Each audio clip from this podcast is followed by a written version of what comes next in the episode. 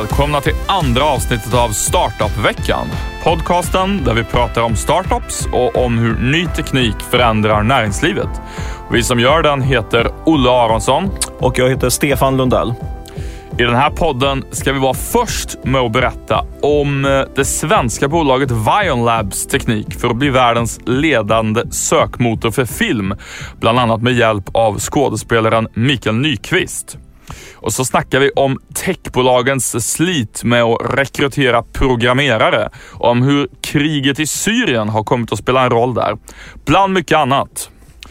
Men först så ska vi följa upp förra veckans podcast. Stefan, du kunde ju då avslöja att eh, doldisbolaget Urbit backas upp av en rad svenska miljardärer. Urbits affärsidé är då att med hjälp av en massa privatpersoner Eh, erbjuda leveranser inom en timme hem till folk som har handlat saker på nätet.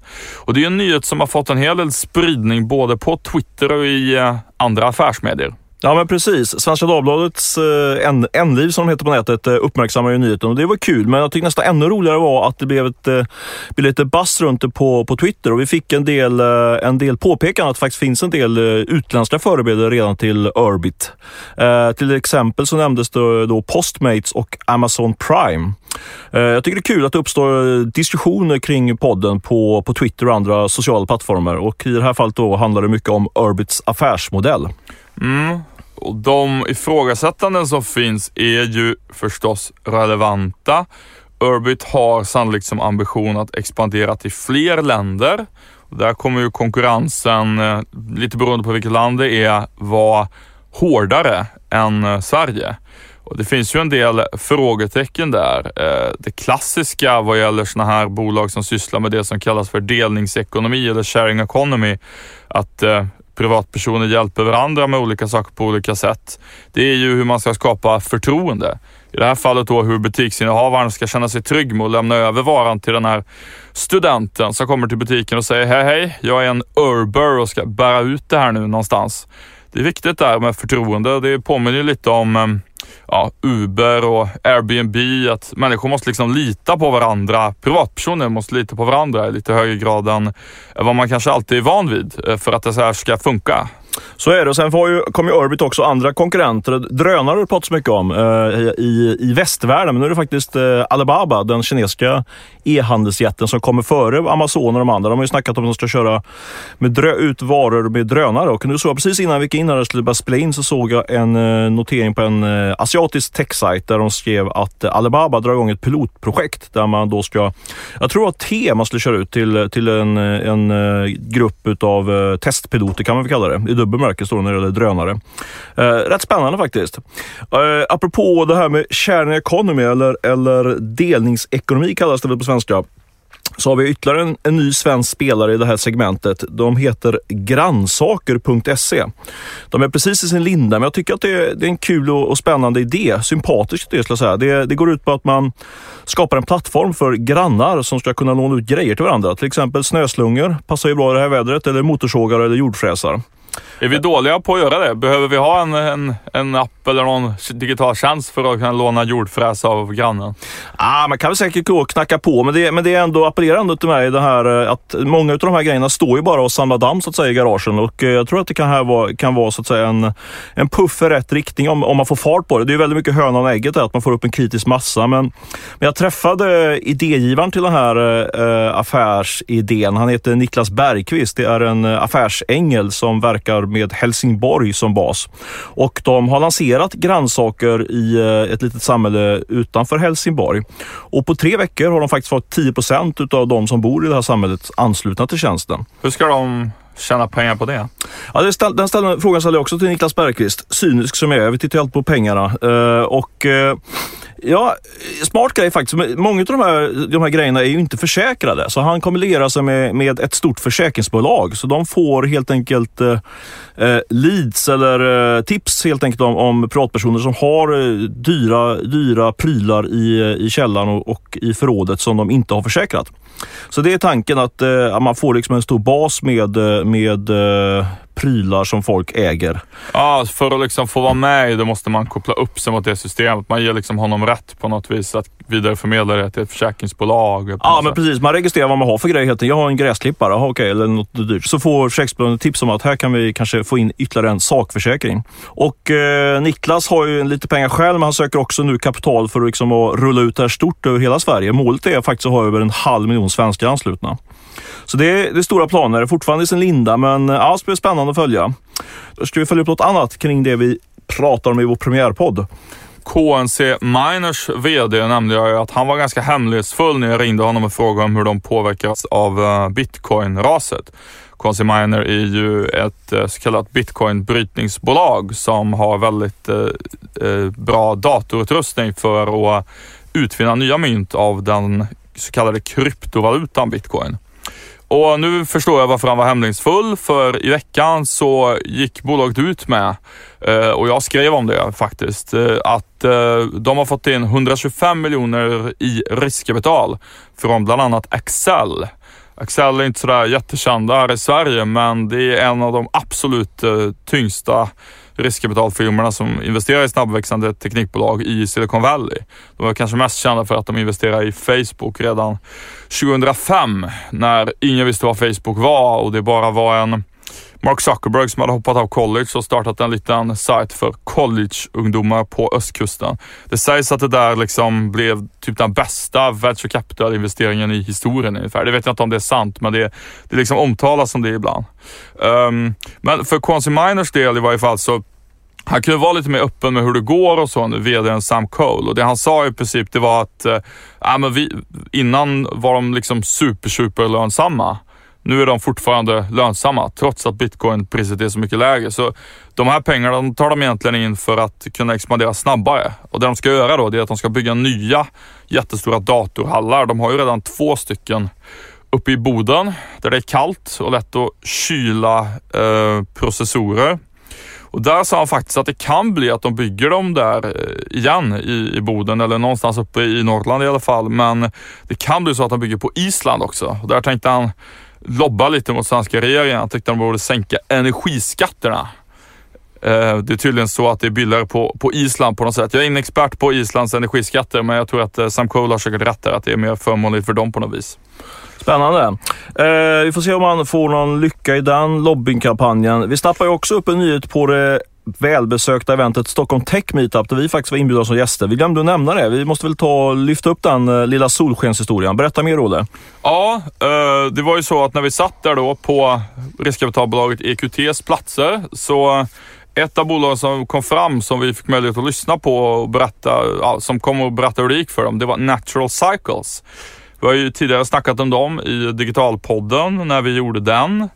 Um, Natural Cycles är ju en preventiv app som hjälper kvinnor att hålla koll på när de är fertila och när de inte är det. Genom att de knappar in sin temperatur de har i munnen och så. På något vis så räknas det då ut när, vilka dagar de är fertila och inte. De fick ju in 10 miljoner i riskkapital, eller motsvarande 10 miljoner kronor ska jag säga, uh, nu i slutet av förra året. Men den investeringen gjordes i schweizerfranc. Och när Schweiz centralbank helt nyligen släppte sitt växelkurstak eh, några dagar efter att Natural Cycles hade gjort klart sin finansiering, då rusade valutan i värde från kronan. Så vad som, i värde mot kronan, så vad som hade varit 10 miljoner blev plötsligt 13 miljoner bara tacka och ta emot för dem. Ja, verkligen. Det var snabba pengar för dem. Eh, jag såg också, det var ju en, stor dansk eh, venture capital, eller riskkapitalfirma som gick in som lead investor som det heter i Nitro Cycles. Men det också kom eh, Isabella Lövengrip, också även, även kallad Blondinbella, kom in som en av investerarna. Hon är ju kanske en av de ivrigaste förespråkarna för Natural Cycles. De jobbar väldigt mycket med bloggar utav, utav Blondinbellans karaktär. Så nu blir hon nog en ännu mer tung och ivrig ambassadör för Natural Cycles. Innan vi glömmer det ska jag också nämna, vi pratade, jag hade ett stort eh, ska man säga, juridiktema i första podden och eh, jag sprang på Erik Burenius som eh, bland annat eh, som var en av killarna bakom Pizza Online som såldes för ett antal år sedan. Han har nu dratt igång en, eh, en non-profit sajt som heter Startup Docs som helt enkelt går ut på att man ska lägga ut eh, aktieägaravtal, eh, optionsavtal och liknande juridiska papper som man kan få gratis på, på den här sidan som ska heta startupdocs.se. Bra initiativ tycker jag. Verkligen. Det är en kul uh, grej där är att uh, sen jag hörde det där att han får starta upp det, så varenda person man har nämnt det för har sagt så här, åh vad skönt. Det har jag letat efter på internet. Det är sånt man aldrig tänkte på själv innan man blev entreprenör. Nu inser man verkligen hur otroligt skönt det är om det finns sånt. Eh, sen apropå andra nyheter i veckan så måste vi väl nämna bomben att Google lanserar en egen taxitjänst enligt uppgifter till nyhetsbyrån Bloomberg. Google är ju då eh, en av de största investerarna i Uber som är den överlägset största sån här nya eh, appdrivna taxitjänsten. Eh, vad som är lite intressant är att det förefaller lite oklart eh, i vilken grad den ena handen har koll på vad den andra gör där. Eh, Google driver ju ett riskkapital som heter Google Ventures som, om jag har förstått det rätt, är ganska fristående. Och de som ska starta upp den här nya taxitjänsten är ju vanliga Google, sökmotorföretaget. Kanske sprider riskerna, satsa på två hästar, man vet aldrig. Ja, det är ju dels det, eller så funderar de på kanske någon annan typ av, eh, av tjänst. De har ju sina självkörande bilar eh, som de eh, håller på att utveckla Google och, och testar och har kommit ganska långt med. Då kanske inte blir en riktigt en rak konkurrent till Uber, det får man liksom se. Ett annat alternativ är att de lägger ett bud på, på hela Uber. Eh, och det ska man ju klart för sig att det vore en enorm affär. Uber är alltså det i, i värde mätt största icke börsnoterade techbolaget i, i Silicon Valley. Det, det är bara de här börsnoterade bjässarna, typ eh, Facebook och så, som är större. Stefan, du har ju under de senaste dagarna nosat upp och gjort research kring en, eh, ett eh, riktigt spännande bolag som vi nu kan eh, avslöja vad de har på gång. Berätta. Ja, förra veckan pratade jag med väldigt varm för Urbit och nu har jag alltså hittat ett annat bolag att håsa, kanske ännu mer. Eh, bolaget heter Wion Labs. Eh, och precis som Urbit så är ju ledningen där extremt hemlighetsfull med vad de har på gång. Men eh, med det sagt så är jag övertygad om att det här är ett bolag som vi kommer höra talas om väldigt mycket framöver. Eh, jag fick eh, korn på det här bolaget faktiskt redan för något år sedan jag träffade Truecallers eh, grundare. Truecaller som är den framgångsrika telefonappen. Allan Mamedi sa när jag frågade, känner du till några spännande bolag? Då började han prata om det här bolaget, men han ville inte säga vad det hette. Så jag, fick liksom, jag var lite grann på, på, på spåret, men jag fick liksom inte, kom inte hela vägen fram där. Och nu för bara en vecka sedan så var det en annan duktig och framgångsrik entreprenör som, som sa att nu, nu har de någonting på gång. Och då fick jag också reda på namnet som alltså är Wion Labs. Deras tjänst heter Wionel och den har de utvecklat i tre, fyra år nu och är nu redo för sin lansering. Ja, och du har till och med fått möjlighet att, att testa den lite, trots att den inte ens finns ute i, i. Ja, men faktiskt. Jag har ägnat mot något som gränsar till industrispionage kanske. Jag vet inte. Eh, jag har fått kommit över en, en betaversion och fått testa den. Eh, och vad är då Wirenell? Jo, det är, eh, man skulle säga att det är en tjänst som är ett slags Spotify för film, eller kanske mer korrekt ett Google för film. Det funkar som en sökmotor för alla filmer i världen. Men det är också en rekommendationstjänst och en community för film. Eh, och de har tagit fram en eh, riktig superalgoritm där man, som liksom trålar nätet på alla filmer som finns tillgängliga. Dock eh, länkar den sen då bara till, eh, till lagliga sajter, alltså inga piratsajter. Eh, men förenklat kan man säga, så den hjälper en att hitta vad, jag, vad man ska se för något och var jag kan hitta den här filmen någonstans eh, någon, ute på World Wide Web. Och vad tyckte du om den då?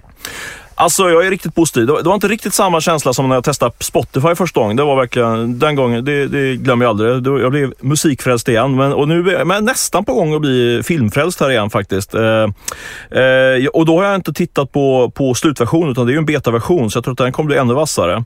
Så jag tror att det finns en oerhört stor potential för det. Sen, allting kan ju liksom eh, gå åt skogen men jag tror ändå potentialen är riktigt stor för den här tjänsten. Eh, och det här är också en lösning för filmbolagen att minska pirattittarna som är väldigt utbrett. Det är, alltså, det är det som, det är, de försöker göra lite grann det som Spotify har gjort åt musikindustrin. Så de har ju verkligen tunga bolag eh, bakom sig som stöttar den här satsningen. Sen är det också en väldigt spännande ägarbild. Eh, storägare i det här bolaget är faktiskt en kille som heter Stefan Lennhammer. Det är en doldis, men han är faktiskt storägare också i Truecaller. Så han måste ju vara faktiskt nu en av Sveriges framgångsrikaste investerare inom techsektorn de senaste åren. För Truecaller har ju blivit en succé måste man säga. Sen har de också Norson bakom sig eh, och eh, tillsammans har, har de här eh, aktörerna och ytterligare några stoppat in 25 miljoner kronor. som har nu pengar, rejält med pengar i kassan så de klarar sig fram till ja, något år eller två framöver skulle jag gissa. Och, och det som man, utöver själva tjänsten som drar ögonen åt sig, det är att de har en, en, en riktig superkändis, ja superkändis, i varje fall en väldigt, väldigt känd svensk i jägarlistan. Ja, den framgångsrika skådespelaren Mikael Nyqvist sitter i deras så kallade advisory board. Eh, det kan ju vara en titel bara, men jag tror mig veta att han också är en av de större ägarna i bolaget och har en ganska aktiv roll i bolaget. Det är ju framförallt eh, eh tech-killar som har som drivit det här, det här eh, bolaget de här senaste åren. Men de, Mikael Nyqvist kommer in med sin filmkunskap och det tror jag han kan ha en viktig roll faktiskt. När kommer de släppa tjänsten? Det låter ju som att det är, det är på gång ganska snart. Absolut. Det har ju börjat röra på sig. De har, de har en presskonferens om det här på tisdag i nästa vecka. Eh, och Då kommer Mikael Nyqvist och vdn och grundaren då, Arash Pendaris eh, presentera bolaget. Och I samband med det så släpps också sajten live här i Sverige, så då kan alla testa den. Eh, om jag har förstått det rätt här nu då så handlar det om att de, de tänker egentligen tjäna pengar på att eh, de, de får någon sorts eh, kickback när, om man hittar en film via dem och, och betala för den på något sätt. Då, då, får de en andel för det. Precis, det är så det går till. Så om, det... du, om du söker upp en film och så, så finns den exempelvis för enkelhets skull på Netflix och så tecknar du på ett abonnemang, abonnemang där och så får de en kickback helt enkelt. Ja, men en marknadsföringskanal egentligen för alla som levererar film digitalt. Mm. För jag kan känna, jag kan absolut se behovet av det. Jag har själv suttit och sådär letat runt efter film på Internet Movie Database, eller IMDB som jag tror de flesta säger. Och försökt hitta, ja, vad har den regissören gjort för ny film? Och jag har till och med varit inne någon gång på CD-ON sajt och kollat vilka som är de senaste DVD-erna på gång. Bara för att liksom använda det som, ja, få reda på vad det finns för nya filmer och sen gå in på liksom någon streamingtjänst och söka efter den filmen där. Så ja, det finns absolut något sätt att göra det där eh, smidigare på. Det som jag funderar på här är om inte folk ändå kommer att alltså leta upp, upptäcka nya filmer via Vionel, eh, men sen ändå ladda ner en piratversion eller gå in på en pirat, Alltså en så kallad fullstream-sajt och, och, ta del av den den vägen. Den risken finns ju såklart, men då tror jag eh, motargumentet mot det som jag, som jag tror att de personerna som jobbar med, med den här tjänsten framför då, som jag tror finns en hel, rätt bra grund i också, det är att ganska intressant faktiskt att det finns en eh, 5-6 tusen titlar eh, ute på piratsajten nu som man, vem som helst kan titta på gratis. Men eh, om man tittar på vilka, hur många titlar, filmtitlar det finns eh, och tillgång om man använder sig av streamingtjänster så är det det tiodubbla, 50 000. Så tanken med det här är att de ska ha en extremt bra eh, rekommendationstjänst så att säga. Så du blir väldigt sugen på de här eh, filmerna som du inte ens visste att du var sugen på. Och eh, då tror jag att det ligger ganska nära till hands att man också kan pröjsa, vadå, 49 kronor i månaden, vad det nu brukar vara för, för en, eh, ett abonnemang. Så det är där som är nyckeln, att man ska, det ska bli en så pass bra tjänst, rekommendationstjänst, så att folk eh, eh lockas att, säga, att betala för, för ja, men det, det, och, och på så vis så påminner det på många sätt om, om Spotify, får man säga. Att det, det handlar liksom om att eh, ja, pirat Alltså det var inte så länge sedan som det faktiskt var mer användarvänligt att, att ta del av musik illegalt än legalt. Just det. Eh, men med Spotify så blev det enklare, skönare, trevligare, roligare att göra det. Och det är ju egentligen det som är vinsten med det. Och, och det är där jag tror hela nyckeln till att Vionels eventuella framgång ligger. Alltså om det funkar tillräckligt bra. Vi snackade lite där innan om att eh, man förmodligen liksom kommer kunna söka väldigt sofistikerat på ja, en film som i sin stämning och ljussättning och typen av scener och allt möjligt. Mm. Eh, hur, hur, alltså, jag gillar den här filmen. Den här filmen har liknande typer av uh, romantiska scener eller vad det nu kan vara. Så, så, är det absolut. När jag testade, jag gillar ju att rekommendera saker och ting, så jag gick igång mycket på det här att man, man gillar att hitta liksom guldkornen på nätet och det tror jag verkligen att, att den här kan göra. Uh, för min, med, under, med de få sökningar jag gjort på den här betaversionen känns det som att den, den är verkligen intelligent, uh, intelligenta rekommendationer som man får. Uh, och precis som du säger, att, jag menar, jag är inte inne där så ofta, men vad heter den? Svefilm heter den va? Uh. Uh, det är ju inte världens roligaste användarupplevelse, men det här är ju verkligen en smart och men det märks att de jobbar tre, fyra år med, med liksom gränssnitt och sånt också. Det, det, är, det är liksom en Spotify-upplevelse i den bemärkelsen kan man ja, säga. Just det, fast det, det hoppas jag nästan att det inte är. För rekommendationerna på Spotify om så här, du, du gillar det här, då borde du gilla det här. De har jag aldrig gillat. Men nej, det här nej, låter nej, mer sofistikerat nej, men nu, nu missuppfattar du Jag menar alltså, alltså själva gränssnittet när man kommer in. Den tycker ah. jag gillar. Alltså, precis som du sa, beskrev när du kom in på Spotify första gången. Det, det, det var mycket bättre än piratmusiksajterna, eh, om mm. jag tolkar det rätt. Mm. Ja, men absolut. Och vad, om man ska dra, gå händelserna i förväg lite grann, den marknaden som de tar. Det är inte bara så att de liksom kan bli en piratdödare Vionell om de, om de lyckas, utan det, då tar de ju också förmodligen väldigt mycket av filmannonsmarknaden hur stor den är nu för tiden, men alltså reklam för nya filmer. Ja, men den är nog inte förakta. Om jag nu då ska vara, ska vara Wagnalls PR-konsult där så kommer ju en del av pengarna också gå till att eh, göra bättre filmer helt enkelt kan man ju tänka. För nu går ju mycket till piratmarknaden. Liksom. Så det, ja, jag tycker det är superintressant att följa det här. Sen är det ju som alltid med den här stora, såna här, den här typen av tjänst att det är superhög risk. Men jag tror faktiskt verkligen på det här projektet. Vi får se. Framtiden får utvisa. Förutom bristen på bostäder och eventuellt kapital är nog bristen på programmerare det största problemet för svenska startup-entreprenörer idag skulle jag säga. Det är ett problem som ständigt dyker upp i diskussioner när man, när man träffar entreprenörer. Och det är faktiskt någonting som eh, vi nu försöker ta ett litet grepp om kring de här senaste dagarna för att få en bättre bild av den här problematiken. Och Olle, vad, vad har vi kommit fram till egentligen? Ja, vi har dels kommit fram till att det är eh, små startups som eh, drabbas värst, om man ska uttrycka det så. Eh, de har ju ingen eh, HR-avdelning som kan hantera rekryteringar på heltid. Och de har ju heller eh, väldigt sällan någon större kassa eller några större intäkter så att det är svårare för dem att, att köpa sig talang om, om det är lönen som är frågan. Om man typ ska få någon att flytta från ett annat land eller så. Och dessutom är det ju samtidigt kanske känsligare för ett riktigt litet bolag vilken vilken programmerare man får in för att den som kommer in som anställd nummer två är ju mer avgörande för bolagets eventuella framgång än anställd nummer 100. Ja, konkurrensen är ju också mördande från de här jättarna som ja, Klarna, Spotify och King. Eh, de kan ju betala, vad jag förstår, löner på uppåt 70-80 000 kronor plus en massa andra förmåner till, till vassa programmerare. Eh, och då slår man sig ganska slätt som, som nystartad, eh, nystartad bolag. Jag träffade en entreprenör som berättade bara här, här förleden om att Eh, King eh, plockade ju eh, programmerare i parti minut. Han hade väldigt svårt att konkurrera med de här, med de här väldigt höga lönerna. Så det här är absolut ett problem för, för många startups. Och något som eh, folk man träffar på stan lyfter fram där, det är ju att om man jämför med andra länder och det är framförallt USA som de här företagen jämför sig med, så där är det mycket enklare att ge ut personaloptioner. Och det innebär ju förenklat att man kan säga till någon att nej men du får bara 30 000 i lön här. Jag vet att du kan få 50 000 i lön någon annanstans men här får du optioner som kan bli en väldigt stor ägarandel på ett sätt som du inte alls kan få i det här väletablerade, lite äldre, mogna startupbolaget. Men i Sverige är det mycket svårare att göra det för att optioner beskattas som kapital, eller de beskattas som lön istället för eh, beskattas som kapital som de gör i, i en del andra länder. Effekten eh, blir då lite förenklat att eh, om man har fått optioner som om de hade varit aktier hade varit värda, säg 100 000. Då måste man direkt betala skatt på det. Alltså inte som när man säljer aktier med vinst, att man då betalar skatt på den vinsten. Utan man, då måste man betala skatt som om det var lön man hade fått, 100 000. Ja, 30-40 procent, 30-40 000 direkt på det.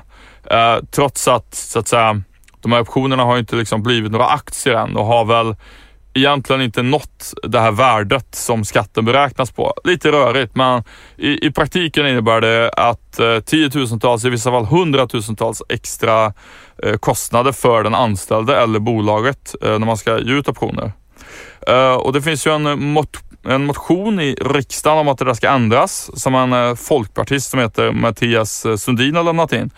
Han eh, verkar inte ha så höga förhoppningar om en förändring i nuläget och eh, ja, det är väl ärligt talat heller inte eh, första gången eh, folk i näringslivet eller eh, borgerliga politiker kommer med förslag om skattesänkningar. Men när jag pratar med folk överlag så får jag ändå bilden av att det, det skulle kunna lossna någonting eh, där i framtiden just på grund av att startup-sektorns betydelse för Sverige blir allt större. Jag får återkomma i den frågan, följa upp den politiska processen. Eh, men du Stefan, en annan faktor som i hög grad skulle kunna bidra till att bli lättare för små startups att hitta teknikkunnigt folk, det är ju invandring. Och där eh, har vi ju pratat om att du har fått nys om en intressant grej som är på gång. Ja, men absolut. Jag pratade med en kille som heter Carl Johan Hamilton som driver en rekryteringsfirma som heter Ants. Uh, han noterar ju som vi alla andra att uh, det är krig i Syrien och det kommer massa tusentals flyktingar hit till Sverige bland annat. Och eh, Många av de här flyktingarna är väldigt högutbildade. Eh, det finns liksom en, en ingenjörstradition i Syrien. Och Karl Johan tänkte då att eh, varför inte sätta eh, de här i arbete? Han ville identifiera de som hade programmering som, eh, som erfarenhet när de kom hit eh, och ha kontakt med Arbetsförmedlingen och Migrationsverket. Men dessvärre visade det sig att de hade ingen koll på, på vilken kompetens de här flyktingarna hade som kom hit. Eh, och många fastnar ju då i, i, i eh, det här systemet, eller de fastnar helt enkelt i systemet. Det var svårt, det var svårt att identifiera och få, få fram de här, de här personerna. Eh, men Karl Johan eh, nöjde sig inte med det. Han fick kontakt med, med en kille från Syrien som hade kommit eh, till Södertälje. Han var apputvecklare och eh, den killen har de nu tagit in som i, i eh, Ants. Då. Men den här killen sa också att många av de duktiga programmerarna redan hade rört sig bort från Syrien redan innan de här oroligheterna bröt ut i, i, för något år sedan. här. Och många av de här programmerarna har flyttat till Istanbul. Där finns många syrianska programmerare just nu. Eh, och då tänkte Karl Johan att vi får försöka få kontakt med dem i eh, Istanbul istället. Eh, och det har de nu gjort, fått. De har via olika programmerar-communities där i, i, Istanbul fått kontakt med en, ett, eh, en hel hög faktiskt utav eh, programmerare med syrisk bakgrund. Hur gick det för honom då? Ja, över hundra har svarat eh, på den här, eh, på den här eh, förfrågan om, om man vill komma till Sverige och jobba som programmerare. Och han håller på nu och Skype-intervjuar ett antal av dem för att se lite grann, liksom så här, detaljstudera verkligen vad, hur deras kompetens är. Eh, och planen är, det verkar, jag pratade med honom precis innan vi började spela in det här och han sa att eh, planen är att man ska åka ner nu till Istanbul och intervjua de här kandidaterna. Låter ju grymt spännande grej måste jag säga. Jag tror inte det är alla rekryteringsbolag som är så pass kreativa när de letar folk. Nej, det får man verkligen säga. Innovativt eh, det där eh, sättet att, gå tillväga. Eh, jag själv sa det när jag pratade med honom att det kändes som en otrolig uppförsbacke att börja fundera på hur man skulle kunna rekrytera folk från, från Istanbul till exempel. Och han har ju rekryterat mycket folk från, från asiatiska länder också. Men sen när han kokar ner det till vad det egentligen innebär så, så ja, det, alltså de, de, går, de hittar, hittar personer ofta via LinkedIn och sen sen så gör man Skype-intervjuer och sen så är de tillräckligt bra så flyger de över dem. Och, så, och, de, och alla kan ju engelska, så det är liksom ingen, ingen stor... Det, det, är inte så stor grej som man tror liksom, när man väl börjar titta närmare på det. Men eh, han sa ju det, många tror ju att det är en gigantisk eh, utmaning att, att, komma i land med det här, men det, och det är väl lite grann deras eh, så säga, selling point till eh, de som vill ha in de här människorna i sin verksamhet. Men eh, Carl-Johan brinner verkligen för det Alltså han, han, dels har han ju ett affärsintresse men han ser också att det här kan vara en uh, riktigt viktig del i uh, integrationen utav, utav de här människorna som kommer från, från länder uh, där det är krig. Eh, det finns väldigt många syrianer och assyrier. Jag är dålig på de här nationerna, men i Södertälje framförallt är det väl. och i och med att de har de här kontakterna redan i, i Sverige så är det mycket mindre, mindre ribba så att säga för de här människorna till exempel i Istanbul att åka hit och, och börja jobba. Och de i sin tur blir ju en brygga från, från människorna som kanske inte har jobb eh, men är, bor i Sverige in i det svenska samhället. Så han trodde verkligen mycket på att, eh, att techbranschen skulle kunna bli liksom en motor och drivkraft i integrationen. Och där kan man ju säga också om man, de här kontorshotellen eller coworking space som det så populärt kallas i, i startup-branschen. Ja. De är nog ganska bra på att ta in människor som kommer från ett annat land om man jämför många andra sorters arbetsplatser. Det finns många andra där som kommer från alla möjliga olika länder. Många pratar engelska på arbetsplatsen. Det faktum att man har de här gemensamhetsutrymmena och sitter i liksom ett stort kontorslandskap det är mycket events varje kväll och folk, ja man hänger med på en öl, vi ska hit sådär. Ibland påminner det faktiskt lite grann om när man är på ett hostel, alltså ett sånt här hippt eh, vandrarhem. Där man liksom, eh, ja, som, som har en bar och som har ett pingisbord och det kan påminna lite grann eh, om det till, till hur öppet det är. Och jag tror det är relativt lätt att börja snacka med nya människor. Ja men precis, och det ser man ju på, ja, som vi nämnde Truecaller, de har, hur många nationaliteter har de? 30 nationaliteter tror jag, något liknande. och jag tror att de här Wine Labs har också något liknande. så det är verkligen, jag menar tech, techsektorn tror jag jag verkligen kan bli, bli eh, en, liksom sån här, en murbräcka i den här eh, eh, integrationsprocessen som vi uppenbarligen har lite problem med här i Sverige. Vad tror du att det finns för, för, för hinder för uh, Ants att lyckas få hit de syriska programmerare som vill komma hit? Ja, det uppenbara är väl, det är väl liksom den svenska byråkratin där som de redan har stångats lite grann med. Så det, det är väl där den stora utmaningen är. Men eh, de här har ju liksom fixat eh, uppehållstillstånd, eller arbetstillstånd heter det, och sådär sedan tidigare. Så de har ju en erfarenhet och, och kunskap om hur det här ska lösas. Så jag tror, att, eh, jag tror att det här kan bli en ganska stor trend. Där är ju nästan på nivån att man lägger sin eh, journalistiska integritet på sidan och bara säger tummen upp hela vägen. Det är ju faktiskt människor som flyr från krig det här handlar om.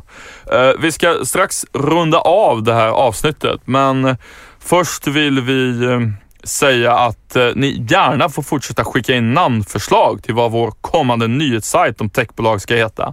Det är hård konkurrens, fått in flera hundra förslag. Ja, absolut. Det, det, den, som, den som går vinnande i den här tävlingen blir, kan anse sig vara mycket lyckligt lottad. Och om det är någon till äventyr som inte lyssnar på första podden så vill vi nämna också vad, vad det här handlar om. Vi vill ha alltså hjälp med att och namnge vår nya eh, nyhetssajt som ska lanseras här, inte i dagarna men om några veckor. Så det är därför vi gärna vill att ni kommer in med, med namnförslag på det här. Och det hägrar ju då en, en exklusiv lunch eller frukost med någon av oss två eh, man får välja. Men nästa podd, då kommer vi ha bestämt och spikat namnet så att eh, då är det för sent. Så kommer förslag innan det och i nästa podd ska vi också avslöja då ja, vad sajten ska heta. Och innan vi rundar av helt och hållet här så måste jag ju droppa den nya heta investeringstrenden bland svenska tech-entreprenörer. Det vet du vad det är för något, det sa jag till dig tidigare, men jag kan säga till alla som lyssnar också nu. Jag tänkte så här, vet du vad det är för något? Men det vet du ju, eller hur? Säg det då. Du syftar givetvis på cannabis. Ja, men absolut. Det, det är faktiskt eh, en trend som varit väldigt het i Silicon Valley. Vadå? Två, tre år kanske. Jag har faktiskt följt den på avstånd får man säga, här från Stockholms horisont. Det är många, många amerikanska riskkapitalister som, som springer in och investerar i den här sektorn. Eh, men nu verkar den kommit till Sverige också. Jag såg till och med faktiskt en artikel, måste jag erkänna, i Metro, den, eh, den gratis distribuerade tidningen. Eh, men samma dag som den artikeln var i tidningen så sprang jag också på två av varandra oberoende internetentreprenörer som båda uttryckte, uttryckte tydligt intresse av att haka på det här och börja investera investera i cannabisaktier. Så jag tror att det där kan vara någonting som vi eh, kan återkomma till och gräva vidare i. De vill dock vara anonyma de här eh, entreprenörerna, men de är väldigt framgångsrika och ganska rika. Eh, apropå det, jag måste bara nämna den, en av de bästa rubriker jag läst senaste året. Jag minns inte vilket bolag det var, men det var en, en börsnotering av ett av de här cannabisbolagen som har kommit nu i USA sedan det legaliserades i flera delstater. Och då hade den rusat med typ så 150 procent första börsdagen tills dess att ledningen gick ut och försökte lugna ner marknaden och bara den har rusat för mycket. Och då var rubriken på Bloomberg var “Cannabis stocks gets too high”. Okej, okay. göteborgare. Ja, precis. Uh, cannabis och uh, annat vad techinvesterare har för sig är garanterat någonting som vi kommer att återkomma till i startupveckan. Uh, vi ska säga att det här avsnittet spelades in och klipptes av Beppo ljudproduktion. Tack för att ni lyssnar och stödjer små oberoende medier. Fortsätt eh, jättegärna komma med input på podden och tips till oss som vi kan ha nytta av på vår entreprenörsresa som vi har gett oss ut på. Följ oss på Twitter där vi heter att startupveckan. Vi hörs nästa fredag. Hej då! Hej!